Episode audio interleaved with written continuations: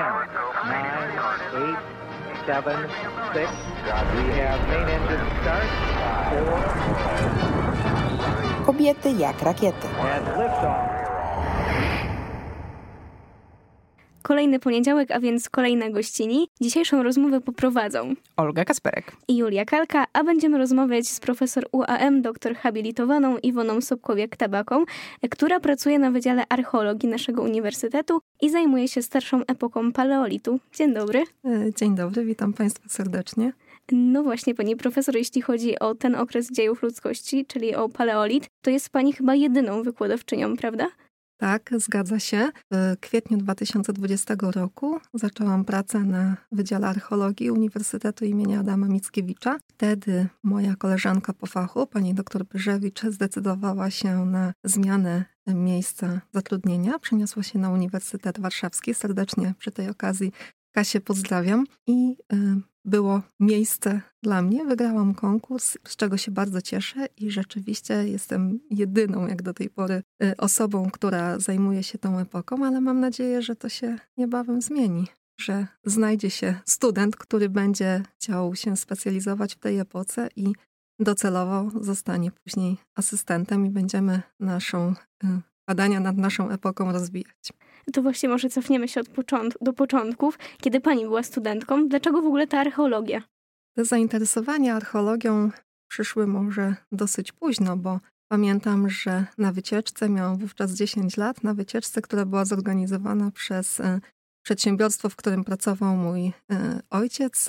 Byliśmy na takiej wycieczce w Biskupinie i wówczas e, przewodnik opowiadał nam o pochówkach. No i zapytałam go, skąd pan wie, że to jest pochówek kobiety, a to pochówek mężczyzny? No i wówczas powiedział mi właśnie skrótowo, e, na podstawie jakich cech możemy odróżnić e, płeć żeńską, płeć e, męską. To mnie bardzo zainteresowało. Później były wycieczki na Ostrów Letnicki i na długi, długi czas właściwie o tej pasji jakoś zapomniałam. Kończyłam liceum ekonomiczne, także zupełnie inna dziedzina. Przydała się później przy egzaminie przed doktoratem. No ale właśnie te, te zainteresowania zawsze lubiłam bardzo historię i zdecydowałam się zdawać tylko na archeologię. To był mój jedyny wybór. A czy teraz podejmując decyzję, podjęłaby pani taką samą, czy jednak może zmieniła ten kierunek? Zdecydowanie taką samą, ponieważ y, to nie jest praca, to jest pasja, to jest wielka przygoda.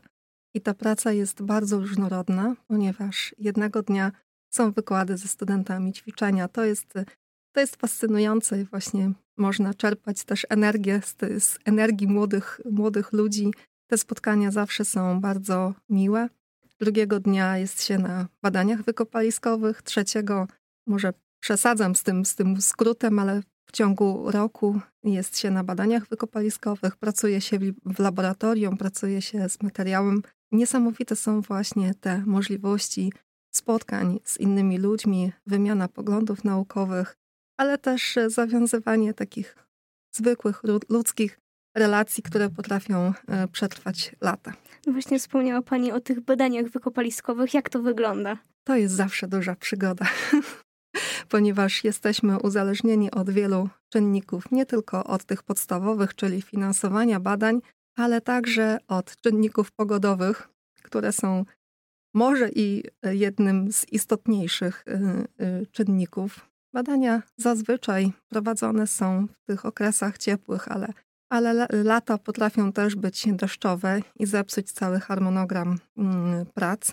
Także zazwyczaj pracujemy z okoliczną młodzieżą, która ma dobrą okazję, e, żeby poznać e, przeszłość swojej najbliższej e, okolicy, pracować niezbyt ciężko w doborowym towarzystwie swoich kolegów. No i po wykonaniu badań archeologicznych Mm, cały ten materiał jest opracowywany już w zaciszu naszych gabinetów lub prowadzone są różne analizy fizykochemiczne czy, czy przyrodnicze przez y, kolegów. A jak są wybierane te miejsca? Są jakieś, nie wiem, w okolicy Poznania, gdzie najczęściej Państwo jeżdżą tam? W okolicy Poznania, sam Poznań jest interesujący, w okolicy Poznania jest dużo takich miejsc, ale skąd archeolodzy w ogóle wiedzą, że to miejsce będzie ciekawe do badań? W latach 70. narodził się taki pomysł, taki program archeologicznego zdjęcia Polski. Wówczas cały obszar Polski został podzielony na takie prostokąty, mniej więcej o długości 5 na 7 kilometrów i wykonywano badania powierzchniowe. Rejestrowano wszystkie zabytki, jakie w tym prostokącie mm, były, mm, były odkryte, czy to w postaci właśnie ceramiki, czy, czy krzemieni, gdzie występowało ich zagęszczenie.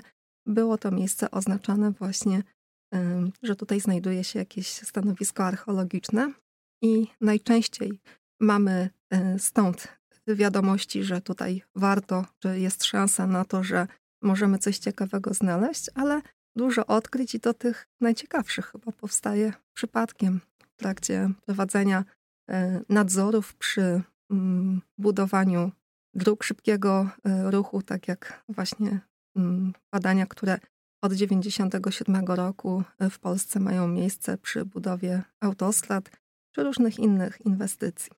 To właśnie co takiego najbardziej ciekawego pani odkryła? Wszystko jest ciekawe tak naprawdę. zawsze, zawsze y, znajomi czy, czy nowo poznane osoby pytają, a czy pani gdzieś kiedyś odkryła złoto albo jakieś złote ozdoby? Mogę powiedzieć, że jedno, znaczy tak, i tak i nie.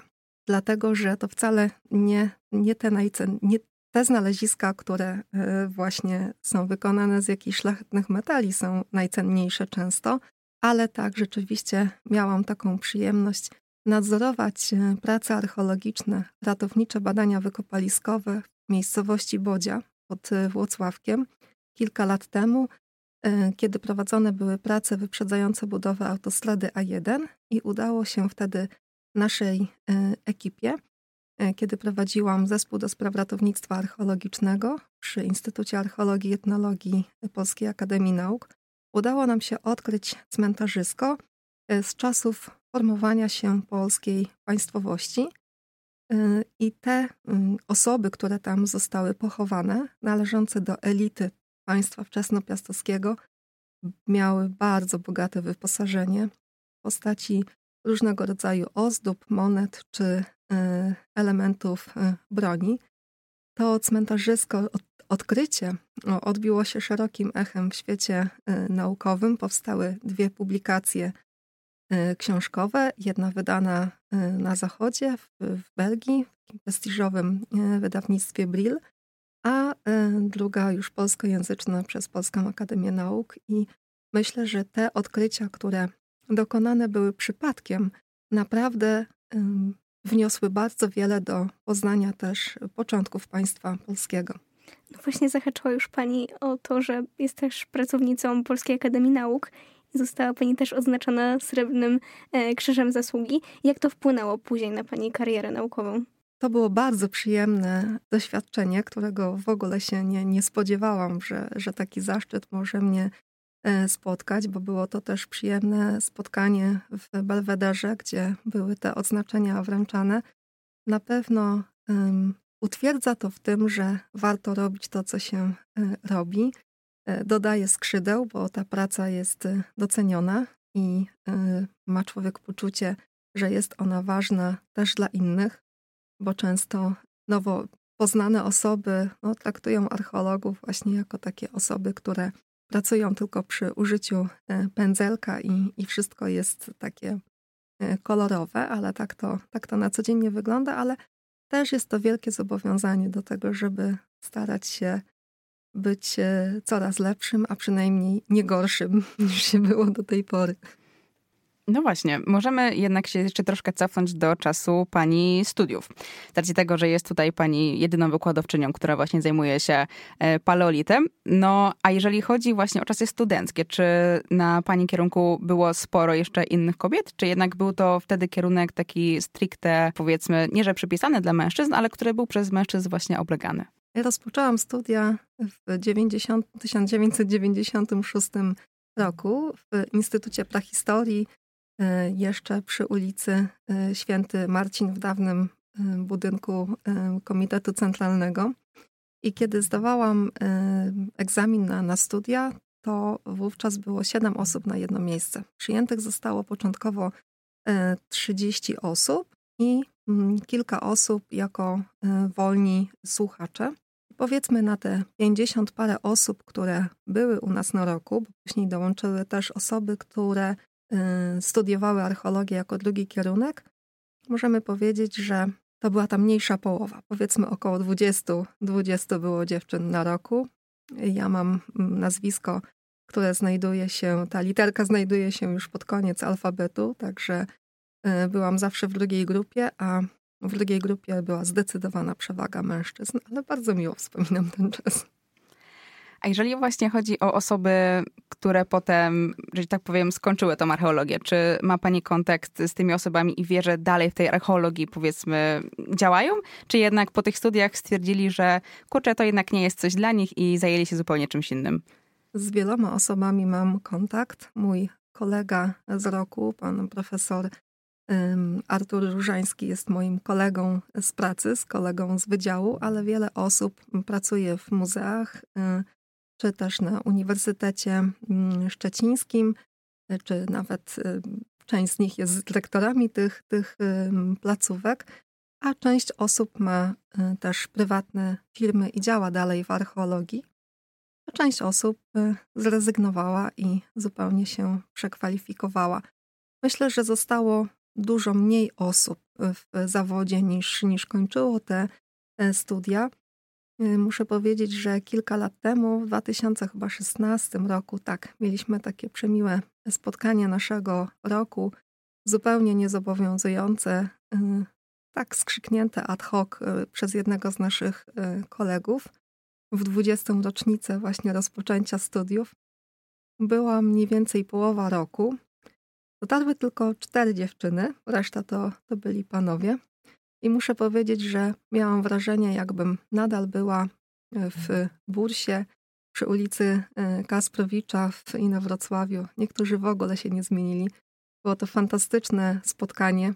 Nikt nie narzekał. Tyle się nie wytańczyłam chyba w czasie całych studiów z moimi kolegami, ile na tym spotkaniu. Także było cudownie. Bardzo miło to wspominam z racji tego, że jesteśmy w podcaście Kobiety jak rakiety, to może pomówmy też o tych kobietach badaczkach. Czy ma Pani jakieś statystyki, jak to wygląda w Polsce? Ile mamy badaczek właśnie paleolitu, czy, e, czy ogólnej epoki kamienia? Mhm.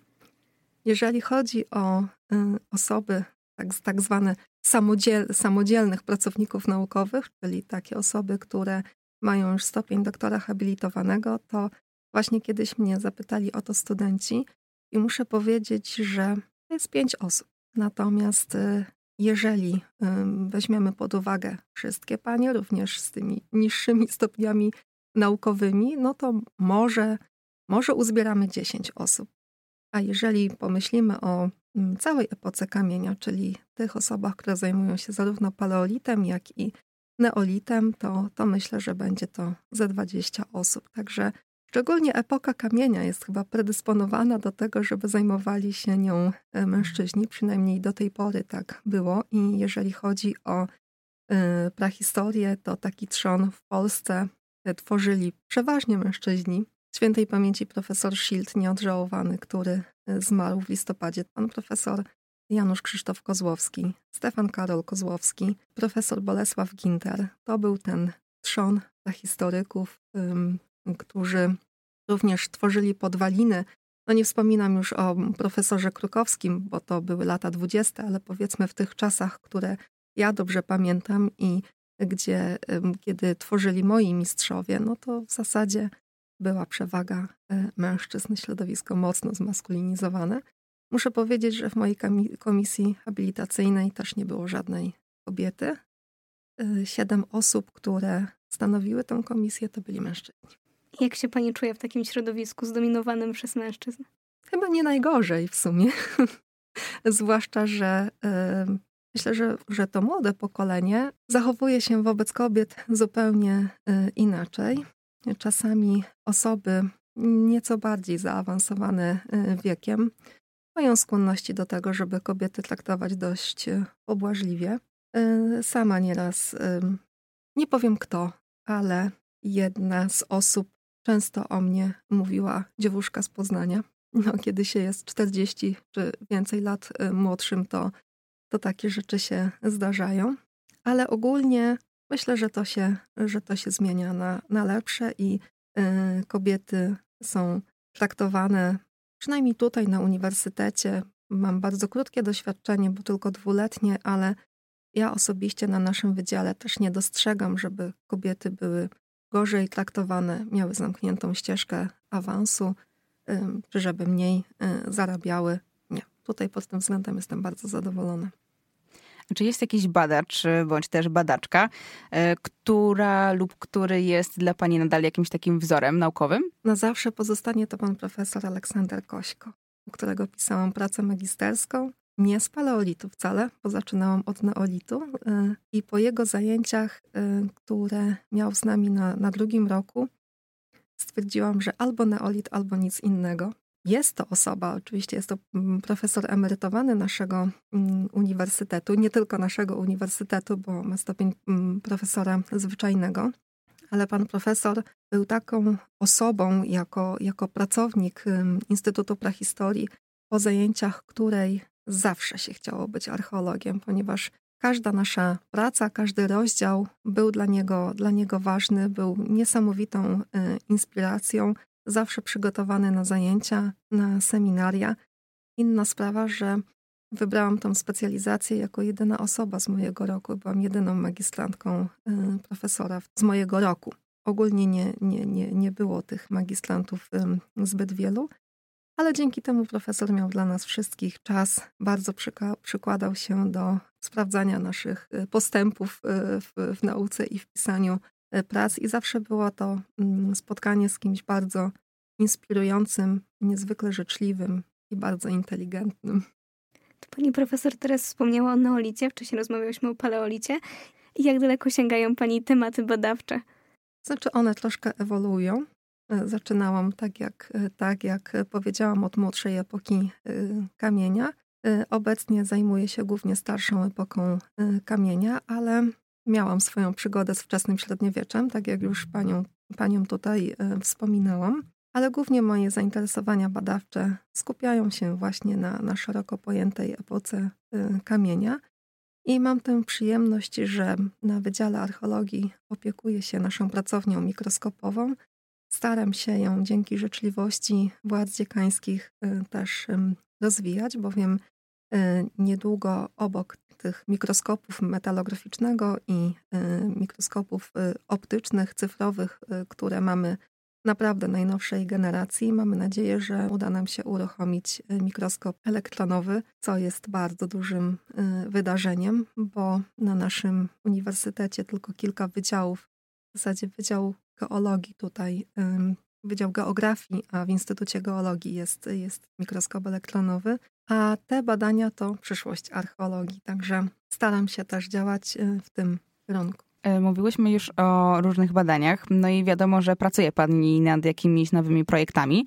E, czy mogłaby Pani coś więcej o nim opowiedzieć? O tym, nad czym Pani teraz pracuje albo zamierza? To tak jak wspomniałam, y, głównym moim zamierzeniem jest właśnie rozbudowa i rozwijanie naszej pracowni mikroskopowej, ale przez to też e, wkroczenie w nowy obszar e, badań, gdzie archeologia łączy się właśnie też z naukami przyrodniczymi, czy może e, czerpać całymi garściami właśnie z tych nauk. Dzięki temu być coraz bliżej tego człowieka prehistorycznego, bo chciałabym, żebyśmy mogli na naszym wydziale badać takie elementy jak obecność e, skrobi na e, narzędziach, które, które potrafi nam powiedzieć bardzo dużo o diecie e, przeszłych społeczności, ale mam też inne pomysły badawcze. Chciałabym niedługo mm, wystąpić ponownie o finansowanie projektu przez Narodowe Centrum Nauki. Ponownie dlatego, że prowadziłam już dwa projekty i, i jestem obecnie w trakcie kończenia trzeciego z nich i chciałabym zająć się tym terenem, na którym mm, prowadziłam wspólnie pracę z kolegami z Ukrainy nad kulturą y, trypolską na, na Podolu. Mm, chcielibyśmy poszerzyć nasze badania o inne stanowisko i o szereg analiz, które pozwoliłyby nam na rekonstrukcję zarówno środowiska, jak i tego życia codziennego przez te społeczności. A czy jeżeli mówimy też o badaniach i o wykopaliskach, to czy miała Pani okazję uczestniczyć w czymś poza granicami Polski? Tak, to już wspomniane przed chwileczką badania na, na Podolu, na, na Ukrainie, co było bardzo ciekawym doświadczeniem. A także nieco dalej były to wykopaliska w Sudamie, w, w Hartumie, w dzielnicy Omdurman. Byłam tam e, czterokrotnie, właśnie w ramach projektu finansowanego przez Narodowe Centrum Nauki, które prowadził mój kolega z Polskiej Akademii Nauk. No i było to zupełnie niesamowite doświadczenie, mm, nie tylko archeologiczne, bo te pozostałości, powiedzmy, związane z epoką kamienia, czyli z określonym sposobem bytowania, one są dość podobne, czy, czy wiemy mniej więcej, czego możemy się spodziewać. Natomiast no, niesamowite były też te doświadczenia związane z poznawaniem innej, obcej, nieznanej nam y, kultury, z możliwością poznawania tych ludzi, możliwością uczenia się języka arabskiego w takim wydaniu bardzo potocznym. Pierwszy rok był naprawdę, to, to, to nie można było w zasadzie odróżnić. Cały czas miałam wrażenie, że oni mówią jednym zdaniem. Natomiast w miarę upływu czasu można było już poszczególne słowa wyróżniać i była to też urozmaicenie naszych badań wykopaliskowych, że właśnie e, koledzy, którzy pracowali e, na naszych wykopaliskach, e, głównie młode osoby, próbowały nas też nauczyć właśnie kilku słów. To, to zawsze było bardzo, bardzo przyjemne. No i też zobaczyć zupełnie inny świat, inne zabytki, inną, in, inne krajobrazy. Wspominam niezwykle miło to, to doświadczenie, chociaż też pod takim względem fizycznym było dość, dość trudne wytrzymać w tych y, warunkach, gdzie raz pamiętam byliśmy w marcu i temperatura dochodziła do 46 stopni Celsjusza, także było to fizycznie też trudne do, do wytrzymania praca w takich, w takich warunkach, a też często mm, zdarzały się tak zwana hała, czyli wiatr wiejący z pustyni, niosące ogromne ilości takiego różowego pyłu, drobnego piasku, który uniemożliwiał tak naprawdę pracę. Trzeba było zostać w domu, bo ten pył się wdzierał po prostu wszędzie. Także y, te, te doświadczenia e, są mi już, nie są mi już y, obce. E, gdybym tylko mogła, gdyby była tylko taka okazja, chętnie bym w ten, na ten teren y, wróciła. A czy jest jakaś różnica, powiedzmy taka bardziej techniczna, pod, znaczy patrząc na to, jak wyglądają wykopaliska w Polsce, a jak właśnie na Podolu, czy, czy tam, gdzie pani profesor przed chwilą powiedziała? Nie, w zasadzie nie ma różnic. Różnice dotyczą w zasadzie rodzaju prac wykopaliskowych, jakie y, możemy prowadzić, bo zupełnie inaczej prowadzi się badania w mieście, zupełnie inaczej w jaskiniach, gdzie y, mamy najpierw dosyć dużą warstwę e, namuliska, sedymentów, które są sztuczne. E, I tutaj też bardzo trudno utrzymać jedno, jeden poziom eksploracji. To są też trudne fizycznie wykopaliska e, w trudnych warunkach, gdzie jest zimno, gdzie jest, gdzie jest ciemno. A zupełnie inaczej wyglądają badania wykopaliskowe na tak zwanych stanowiskach mokrych, czyli w miejscach, które kiedyś stanowiły zbiorniki wodne i w te miejsca były wyrzucane, bo tak to należy powiedzieć, już niepotrzebne artefakty. My, my dzisiaj e, takie badania właśnie prowadzimy ze względu na to, że e, to są fantastyczne warunki do zachowywania się różnych zabytków e, organicznych, a zupełnie inaczej na stanowiskach piaszczystych. Także powiedziałabym, że to są takie różnice, które wynikają ze specyfiki danych badań. Jak postrzegano kobiety od tych czasów dawnych? Czy są w ogóle jeszcze, jakby, czy możemy sprawdzić? Jeżeli chodzi o, o ten aspekt, to są tylko zawsze nasze rekonstrukcje. Musimy pamiętać, że archeolog niczego nie y, odkrywa. Archeolog rekonstruuje na podstawie danych, które uda mu się pozyskać w trakcie badań wykopaliskowych czy badań laboratoryjnych. Także jest to zawsze najbardziej prawdopodobna hipoteza. Nigdy nie będziemy w 100% pewni, że to, co zapra- za, zaproponujemy, tą interpretację jest ona e, w 100% e, właściwa. Ale najstarsze wyobrażenia e, kobiet związane są z figurkami tzw. Tak Wenus, które znane są z już od czasów właśnie paleolitycznych. To były takie figurki o wydatnych kształtach tych kobiecych, podkreślających te kobiece atrybuty i one są w bardzo różny sposób mm, interpretowane właśnie jako takim siła płodności. Czasami mamy też do czynienia z takimi interpretacjami, że to kobiety same siebie przedstawiały właśnie w momencie, kiedy, kiedy były y, w ciąży. Y, czy, czy są to figurki, które miały zapewnić, no rodzaj takich amuletów, które miały zapewnić dobrobyt, bo te y, społeczności na pewno nie narzekały na obfitość pożywienia.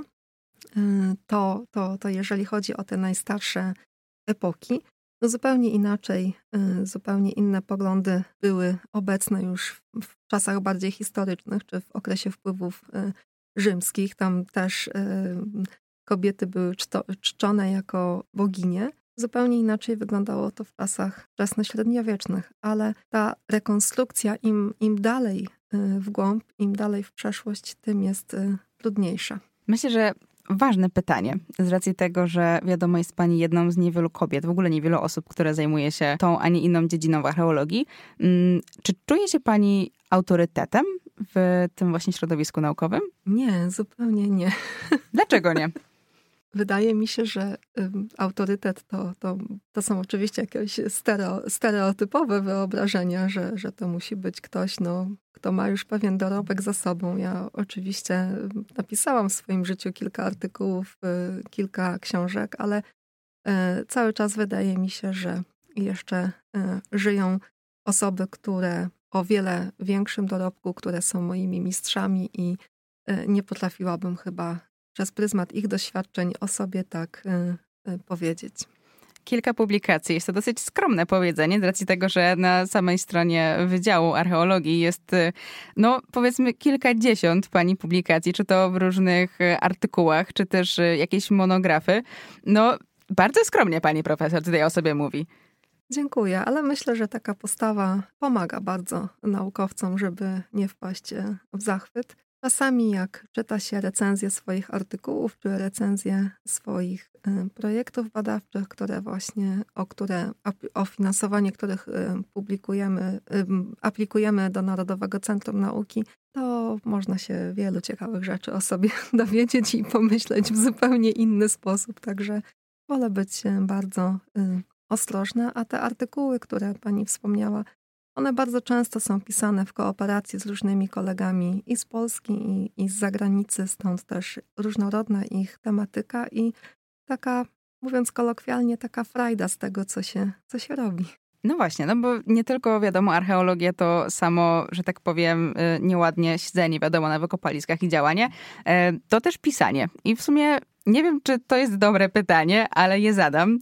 Czy właśnie więcej frajdy sprawia pani pisanie o tym, co pani robi, czy jednak samo jednak siedzenie i powiedzmy, no nie wiem jak to ładnie powiedzieć. Odkrywanie przyszłości. Tak, dokładnie, gdyż archeologia to nie jest do końca moja dziedzina i trudno mi się odnaleźć w tej terminologii. Jedno, jeden i drugi aspekt naszej y, pracy jest bardzo interesujący, ale chyba wydaje mi się, że mimo wszystko wolę pracę y, z materiałem i jest to zawsze mm, takie podekscytowanie i oczekiwanie, co, co nam te materiały przyniosą, czy, czy będą miały jakiś ważny wpływ na to, co, co wiemy o naszej przeszłości. Często właśnie te największe odkrycia mają miejsce dopiero w laboratoriach co jest y, niezwykle, y, niezwykle ważne też w naszej dziedzinie, ta współpraca z kolegami y, z dziedzin nauk o, o ziemi, z przyrodnikami, z, z chemikami. Tutaj te, te doświadczenia są bardzo cenne, ale chyba ten, ten etap jest o wiele ciekawszy niż, niż pisanie, bo tutaj w zależności od tego, do kogo jest skierowana mm, ta publikacja, no trzeba używać odpowiedniego aparatu, odpowiedniego też aparatu naukowego i, i doboru słów. Myślę, że najtrudniej pisać y, te publikacje, które publikowane są w wysoko punktowanych czasopismach, ponieważ tutaj nie wystarczy być y, dobrym naukowcem, trzeba jeszcze bardzo dobrze znać język angielski, co nie jest możliwe, żeby znać to na, na poziomie native speakerów. Zazwyczaj Trzeba jednak prosić o adiustację tych, tych tekstów. Tutaj wymagania redakcji tych czołowych czasopism są naprawdę ogromne, ale myślę, że polscy naukowcy radzą sobie z tym coraz lepiej i nie jest to niemożliwe. A czy pani się czuje rozpoznawalna właśnie tak w środowisku zagranicznym? To znaczy w swojej dziedzinie na pewno tak, dlatego że nie jest to y, znowu takie liczne grono. Są różne stowarzyszenia, które skupiają takie, y, takie osoby zajmujące się podobnymi y, tematami. Między innymi Unia Nauk Praw Protohistorycznych, bardzo wiekowa organizacja, która właśnie skupia osoby zainteresowane archeologią, nie tylko epoką kamienia, i mam przyjemność być przewodniczącą właśnie jednej z takich y, komisji, których jest y, około 40 w Unii Nauk pra i, proto, pra i protohistorycznych, y, komisji, która zajmuje się paleolitem na terenie Eurazji.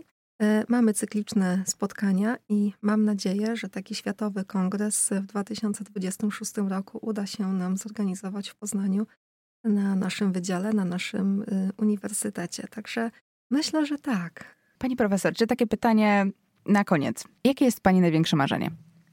Archeologiczne? Tak, jeżeli chodzi o, o naukę. Prowadzić badania wykopaliskowe na Alasce. Okej, okay, porozmawiajmy o tym troszeczkę. Dlaczego akurat na Alasce? Jest to niezwykle, czy, czy w ogóle w obszarze Beringi, jest to niezwykle ciekawy pod względem archeologicznym teren. Kontynent E, Ameryki Północnej i Południowej to najpóźniej zasiedlony kontynent.